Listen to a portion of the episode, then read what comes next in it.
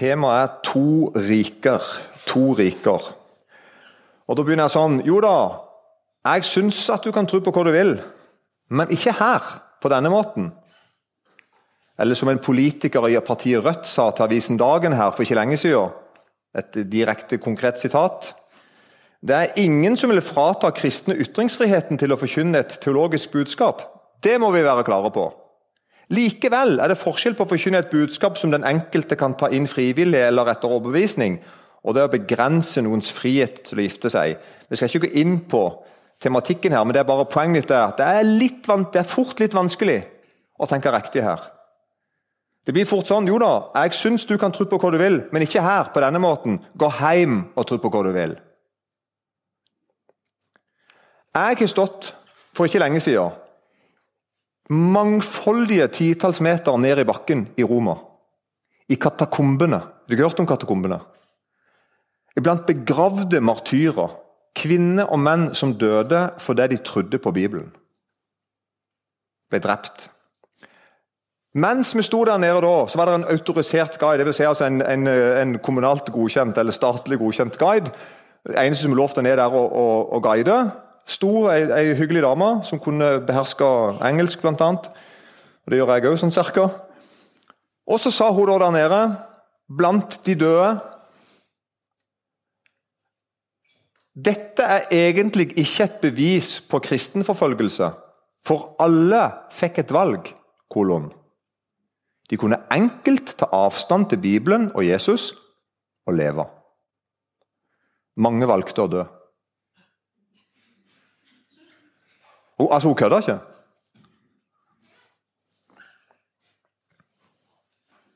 Og det var helt sikkert sant. Jeg er ved en klasse bananer på at det er sant. Ikke sant? At de fikk det valget. Vil du fornekte Jesus, eller vil du ikke? liksom. Det er jeg helt sikker på. Så Sånn så hun det, da. Og Dette vi nå skal snakke om, litt om, for det skal vi bare Det vil aldri høres likt ut fra tid til tid og fra sted til sted. Det er litt viktig dette temaet vi nå skal inn på, vil på en måte alltid være prega av akkurat nå, og akkurat der vi er, akkurat en spesiell ting. Vi kan ikke bare sette to streker under svaret og så bare kopiere det inn i alle samfunn til alle tider. Det går ikke an. Og Det er på en måte når Guds verden krasjer med det vi tenker er vår verden. Eller er det sånn forresten at verden er vår? Er ikke egentlig verden Guds? Er det sånn at Gud ikke er så interessert i vår verden og livet her nede? Er det sånn? At vi har en Gud som er der oppe, og som er opptatt av det der oppe, og så er vi her og opptatt av det som er her nede? Eller tenker vi feil om dette? Ofte sier vi sånn Tru, det kan du gjøre i kirka, sier vi, og så ler vi litt. Og så håper jeg at de gjør det i kirka. Men er din gudstru sånn? Er det sånn din gudstru er? At den hører hjemme i et privat, lite rom noen timer i uka? At Gud er en åndelig Gud, som egentlig kun bryr seg om det åndelige. Og så har han overlatt den virkelige verden, her liksom, vår verden, den er Gud overlatt til oss. Har du en sånn tanke at det er sånn det er? Er de tro på Gud en privatsak? For, for å spørre sånn da, Er det mulig å tro på Gud helt privat? Altså, er det, er det teknisk mulig? At ingen konsekvenser lekker ut. altså Ingenting som lekker ut av deg. Du er bare sånn helt 100% privat. Går det an? Jesus han sier at det går ikke an. Um, og Da tenker jeg på butikken, i kommunestyret, på skolen, i trafikken, på sykehuset, i kunsten, i musikken, i arkitekturen, i fantasien, i humoren, i alvoret, i trøsten. Går det an at ikke de gudstro lekker ut og avsløres i streken din, i ordet ditt, i holdningen din, i tankegangen din? Er du med? Dette her problemet kjenner vi alle til på en eller annen måte. Vi sier sånn Vi må ikke blande politikk og religion, sier vi. Og så tenker de fleste som sier det, at nå sa han noe veldig dypt noe. Det høres veldig rett ut. sant? Vi må ikke blande politikk og religion. Nei, det høres forferdelig ut. Det må vi ikke gjøre. Det, det er ille når det skjer. Og så sier vi de fleste nikker anerkjennende. Og så sier vi uff, nei, det skulle tatt seg ut å blande politikk og religion. Er du ikke med på den? akkurat nå i Norge er vi dårlige på dette feltet. Kanskje særlig de troende, som forresten er en litt sånn dum ting å si. For hva er da de andre? Hvis noen er de troende, hva er da de andre? De vitende. Er dere med på den? Hvordan kan vi tenke? Der fins nordmenn.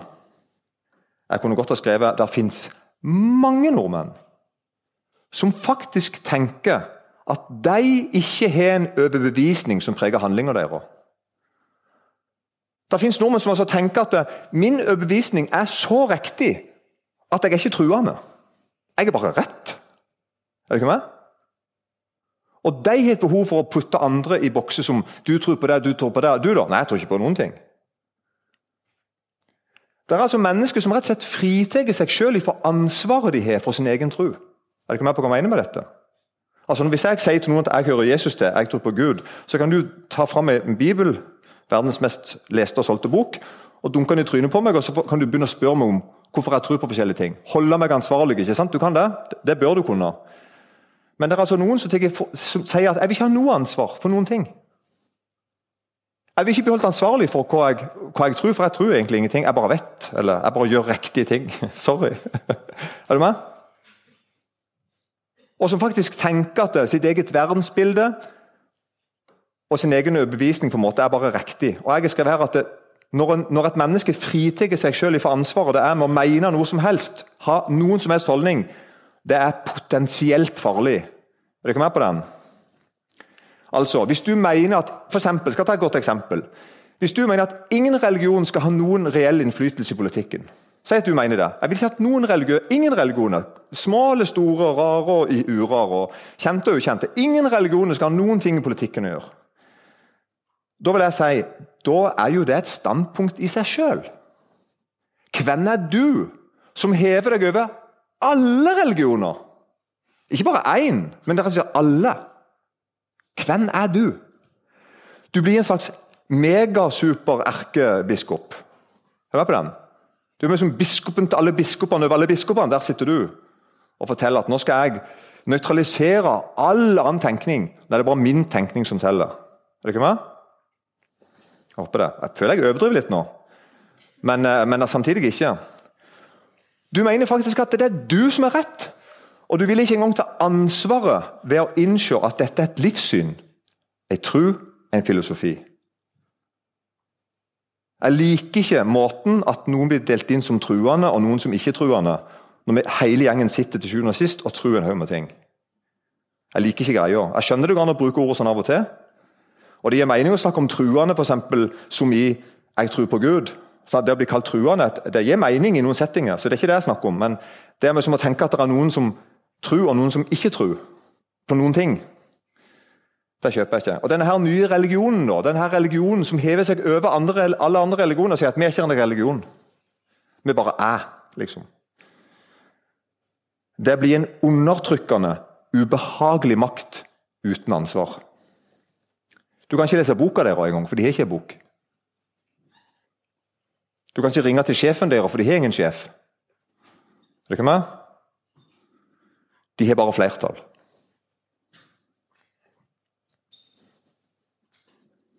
Dette er vi på vei inn i nå, helt klart i Norge. Helt klart. Les avisen.no. Det å ikke innse at jeg har en eller annen tro som tilnærming til alle slags samfunnsspørsmål, det er egentlig en fanatisme. Er ikke med på den? I en eller annen grad. Jeg er i ferd med å bli fanatisk, hvis du skjønner, når jeg tenker sånn.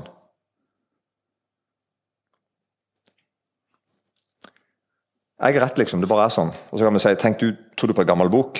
Ja. Du tror ikke på en bok engang. Men hva er egentlig forholdet mellom det her åndelige og det menneskelige? som jeg nå prøver å snakke om? Vi har kalt temaet i kveld for to rike. Hva er egentlig forholdet mellom det åndelige og det verdslige? Er du ikke mer på det begrepet? Verdenslige, altså det, det som gjør verden til. Hva er forskjellen på det åndelige og det verdslige? Eller hva er forskjellen på kirke og stat, som egentlig ord bruker ofte? da? Det er egentlig, det er egentlig på en måte ord, omtrent samme type ord på samme type ting. Og Dette har kristne tenkere tenkt mye på og sagt mye bra. Og Utgangspunktet er Bibelen. Den viser her en vei. Særlig Romerbrevet kapittel 13. Ta Les kapittel 13. Der, der, ser du enormt mye sånn samfunnssyn. Hvordan Bibelen tenker at vi skal tenke om forholdet mellom det som hører Gud til, og, og som ikke vi på en måte nå, nå og, og, ser, og det som hører Gud til, men som vi ser og nå. hvis du skjønner. Og Vi ser det jo i hele Det nye testamentet, en slags hårfin balanse mellom de to rikene. Og Jeg kommer til å bruke begrepet rike og regiment litt om en annen. og var, Det er bare sånn for spesielt interesserte, det jeg sier nå, men jeg, jeg, vet du er der ute som er spesielt interessert. Uh, og jeg tror det var sånn at Martin Luther han fant, han, han fant ikke på det jeg nå sier, men han valgte et nytt begrep. Han valgte ordet regiment. og Så sa han at det, han deler på en måte livet i to regiment, to størrelser. Men jeg bruker ordet rike, for det er et litt mer sånn, skjønner, det er et litt mer forståelig uttrykk. er det ikke med? Med to riker, liksom. Der er vi som to riker. Og da begynner vi bare helt kort, men at en gang eh, Luther, når han skal forklare Matteus 18 og vers 15-18 Vi skal lese det nå rett etterpå, de versene der. Men når, når Martin Luther skal vi forklare, legge ut de versene i Matteus 18, vers 15-18, så sier han sånn Det åndelige regimentet, eller det åndelige riket, om du vil. ikke sant? Guds rike. Det åndelige riket. Det skal bare styre over sjelen, sørge for at den kommer til dåp, til nattverd, evangeliet og den sanne tro. Sånne ting har keisere og konge ingen myndighet over. Er du ikke med på den? Følger ikke meg? Det var jo sånn tanken hans. sin. Ingen politisk makt skal tvinge deg til å tro. Sånn, Det hører ikke hjemme i det riket. Nei, det er det, det, er det åndelige. Det hører noe åndelig til. Her er det versene han sikter til.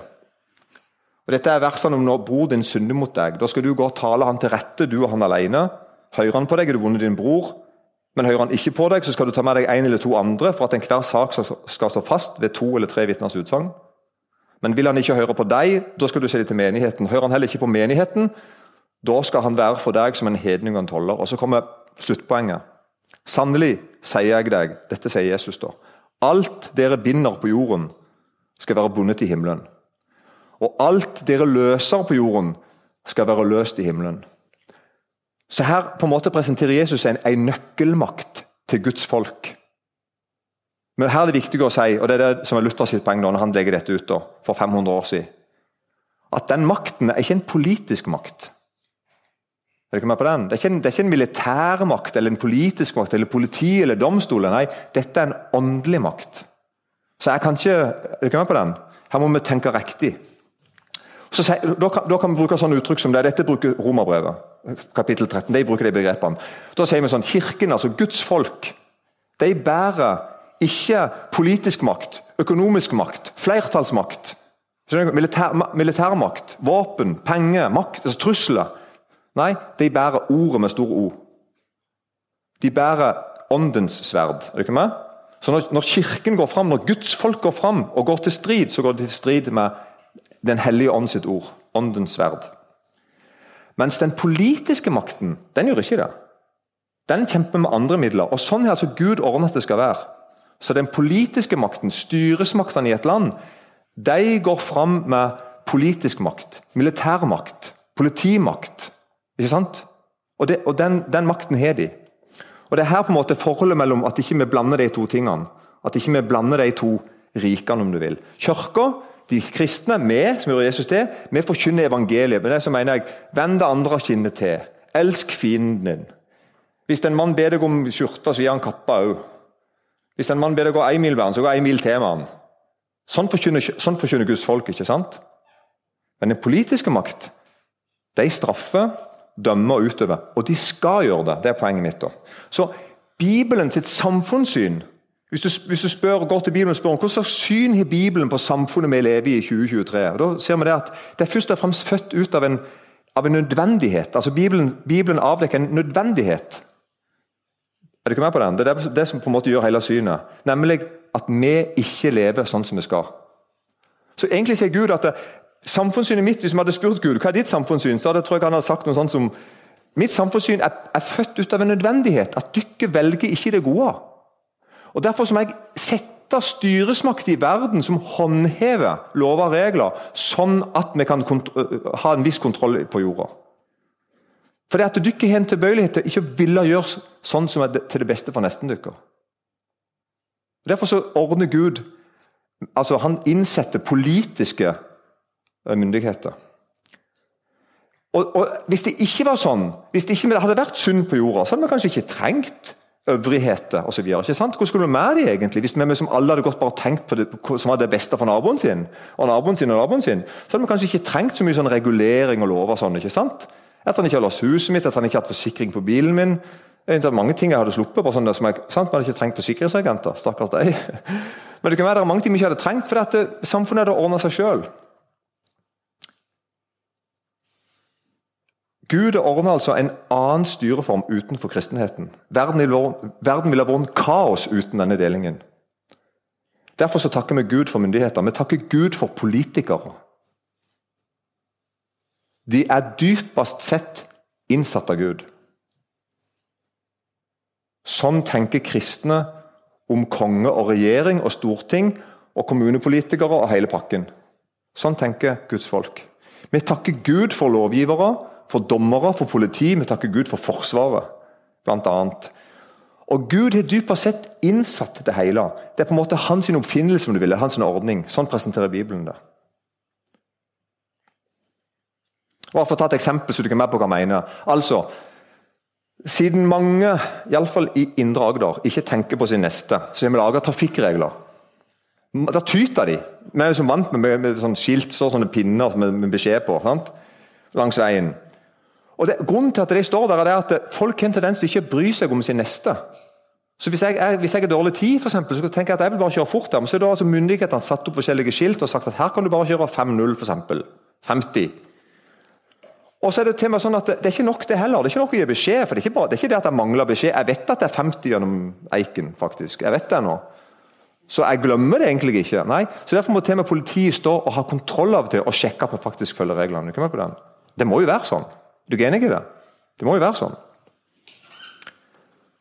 Så de har regler, de har folk som kontrollerer reglene, og de har folk som straffer når vi bryter reglene. Og jeg tenker at sånn må det være. Så kan vi selvfølgelig diskutere litt hvordan det skal være, men jeg mener at sånn må det være. Og I Norge så tror vi ikke på fartsgrense, vi holder de. Sånn, politiet går ikke rundt og spør om tror du på fartsgrense. Ja, kjempebra. Vi holder de. Det er jo hele poenget med de. Og vi takker Gud for for menigheten. For ta, så når vi, takker, vi, takker, for det på en måte, det rike, det verdslige riket, der politikken er og samfunnslivet. Og så takker vi Gud for menigheten, for kirka, for ordet, for syndenes forlatelse, for de hellige samfunn, for evig liv. Vi takker Gud for de lederne han er innsatt der òg, som er lydige mot han. Og Nå kan vi lese i Romerbrevet 13, bare noen få vers.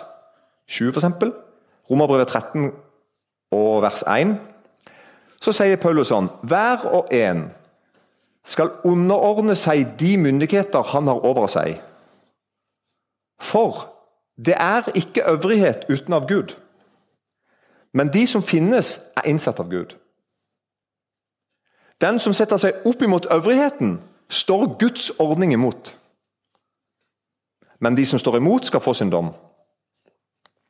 For de som styrer, er, ikke til skrekk for den som gjør godt, men for den som gjør ondt. Vil du slippe å være redd øvrigheten, så gjør det gode. Da skal du få ros av den. For den er Guds tjener, altså øvrigheten. Den er Guds tjener til gagn for deg. Altså det, du nyter godt av at øvrigheten er der. Det er godt for deg. Men gjør du det som er ondt, da frykt. Den bærer jo ikke sverdet for ingenting.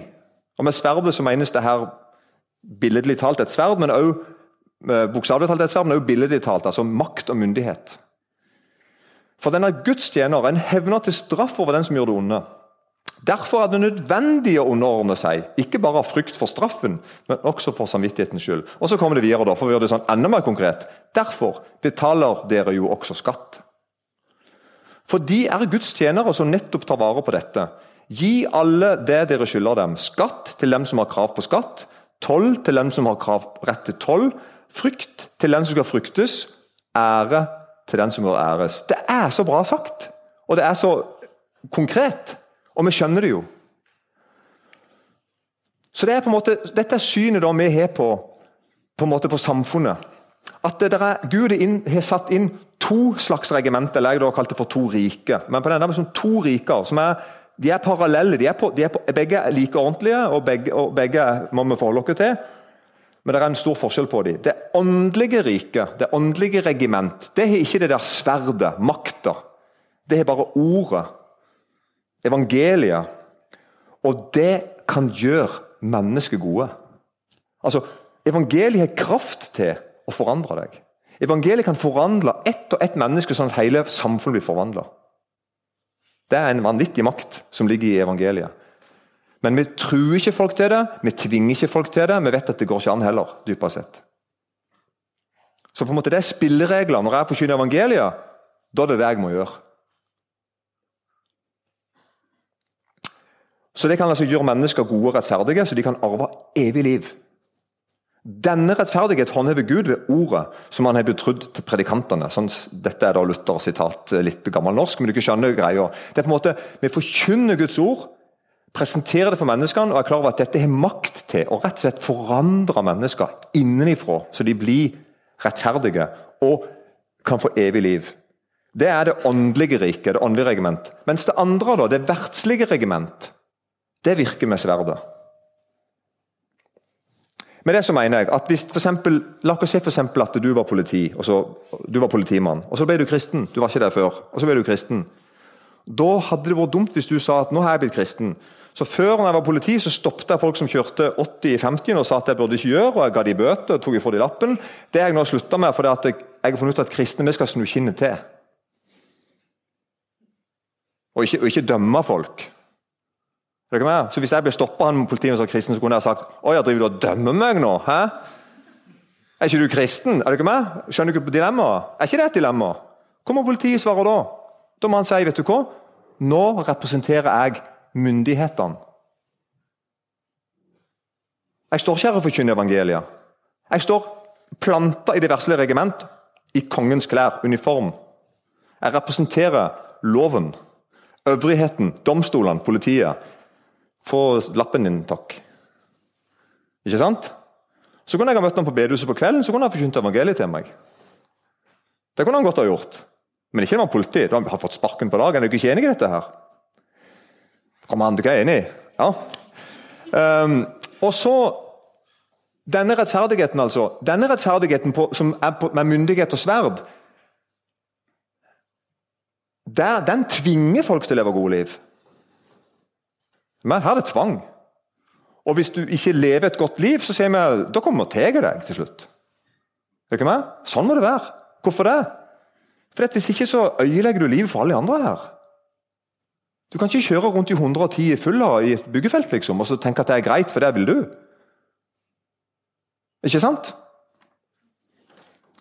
Og så kommer det da Dette er òg innsett av Gud. Det er Guds godhet.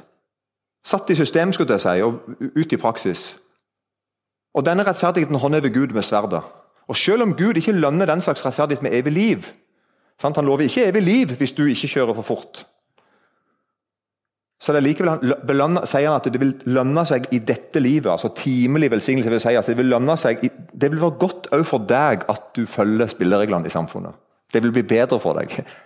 Men du får ikke evig liv av det. For det er ikke det det verdslige regiment holder på med. Og Så kommer da poenget mitt da her, med masse NB, NB. Nemlig at det er ikke sånn at Gud er herre i det åndelige regiment, og så er han ikke herre i det verdslige regiment. liksom. Det er ikke sånn. Nei, Gud er Gud i begge riker, og det tror jeg vi har glemt. Jeg tror vi får tenke at ok, da innser jeg det. Hvis du finnes Gud, så får du ha ditt rike, da, ditt regiment og dine regler og ditt evangelie. Men så holder vi på med det vi vil her nede, liksom. Nei, Gud er Gud i begge de to regiment eller riker er Guds ordninger.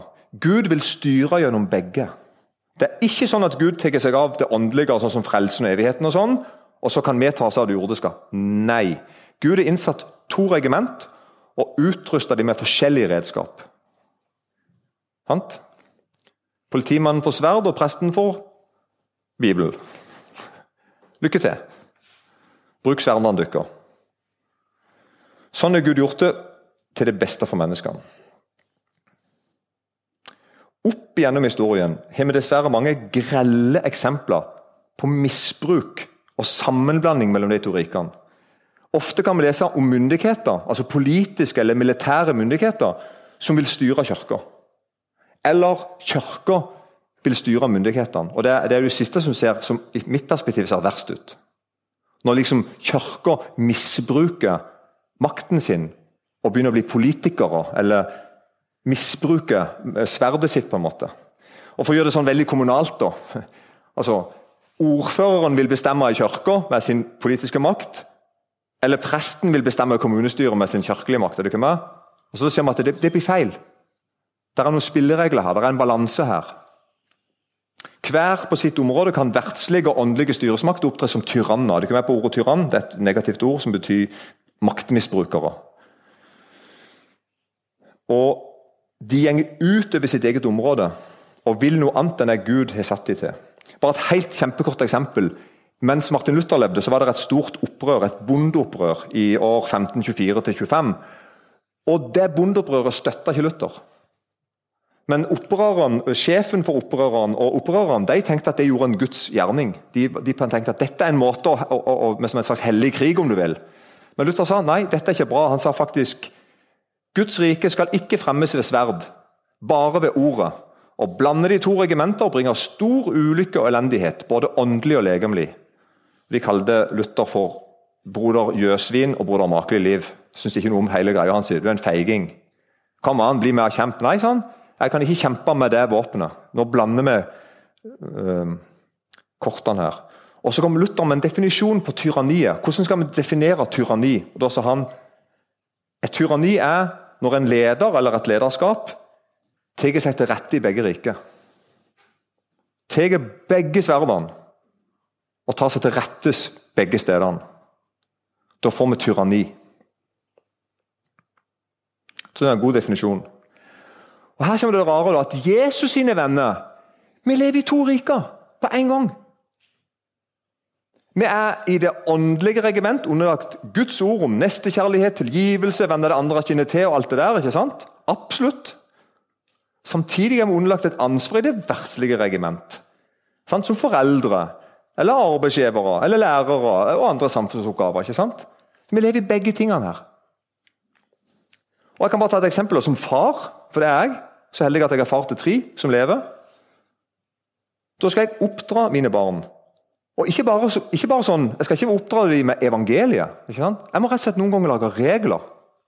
Og si at det er ikke lov, og det er lov. Og Hvis du gjør den ting som ikke er lov, så kommer det til å skje. ikke sant? Du kan med på den? Og Regler må få konsekvenser hvis de brytes, og det handler om på en måte om å ha en viss sånn harmoni i heimen. Noen er sterkere enn andre, og noen er lurere enn andre. og det varierer litt da. Og Da ser vi plutselig en rar ting. Oi sann, har jeg skrevet. I familien, som Bibelen setter sånn øverst på pyramiden, skulle jeg si, så ser vi at det skjer noe unikt. Foreldrene er verdslige overhoder og åndelige overhoder over barna sine. Den eneste plassen vi finner det. Eneste plassen at Gud har gitt så mye makt, det er til familien, til mor og far. Så far som far, da, mor òg, men nå er ikke jeg mor, da. Som far så har jeg, så har jeg sverdet, altså myndigheten, lov og krav. Det er ikke lov å røyke på rommet etter klokka ti. Nei da. Du kan, du kan skjønne, jeg, jeg, jeg, jeg, kan komme med sånne regler inn i samfunnslivet, sant? og med straff og sånn. Samtidig så forkynner jeg evangeliet. Lærer de om Guds rike ønsker at de skal få evig liv. er du med? Så jeg og kona mi vi er både verdslig og åndelig regimente.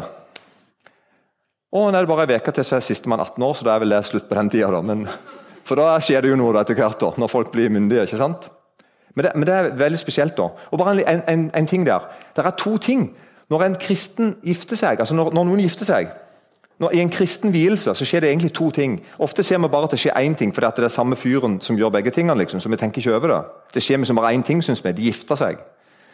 Men den som vier, han har både en åndelig oppgave og en helt sånn offentlig samfunnsoppgave. Den åndelige oppgaven er at han på en måte velsigner ekteskapet, legger inn for Gud ikke sant? Og, og ønsker Guds velsignelse over det. Og Det andre han gjør, er at han egentlig gjør en offentlig handling. Han tinglyser egentlig ekteskapet.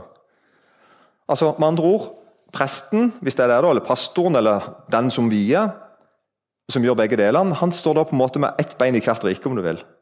og representerer det åndelige regiment og velsigner ekteskapet ditt, og, og står og representerer det offentlige. og han kan rett og slett eh, signere altså Ektepakten er gyldig. Og det, Vi ser det enda tydeligere når noen for går først til byfogden eller det heter, eller altså går til kommunehuset og blir via av en gjerne ordføreren. I mange bygder nå, eller kommuner så er det ofte ordføreren som har myndigheten til å vie. ikke sant? Så vier ordføreren. Det er på en måte den, den verdslige delen. Og Så kan du ikke da senere en gang kanskje gå til en menighet og bli velsigna. Da ser vi tydeligere at det skjer to ting. For det, Poenget er jo at de du bor med og får barn med, er ikke en privatsak. Det er jo hele poenget med, med å gifte seg. Sant? Det er ikke en privatsak. Det er ikke en privatsak hvem jeg er far til. Det går jo ikke an. Jeg kan ikke si dette til skolen. Ingen kommentar. Sånn, hvis du ringer som Sønnen din er kunstnerruta. Skjønner du? Det er ikke sånn det funker, liksom. Det er, det er, offentlig, det er poenget med det. Og det er jo Guds tanke. Ekteskapet, sånn, sånn tenker Gud òg. At det er offentlig, og det er åndelig. I begge rikene med, om du vil. Og Derfor er det jo sånn at det, eh, å bryte ned synet på hva en familie er, eller bryte ned synet på hva et ekteskap er, er en direkte angrep på Guds ordninger. Hvis du, vil, hvis du vil på en måte opponere mot Gud, så er det som regel der folk begynner. De viser fing til familien og ekteskapet. Da viser du fing til Gud. Og Derfor er det jo sånn at Når staten blander seg for mye inn i familien, så er det et varsel om at noe er galt.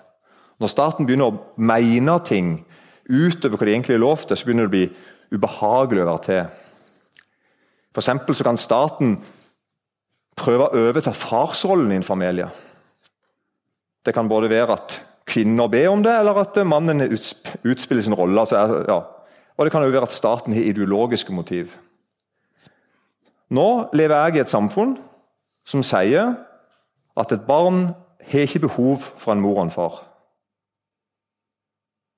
Vi kan godt planlegge at en, et barn blir født uten far og mor. Det er helt greit, null problem. Vi kan planlegge farløse barn.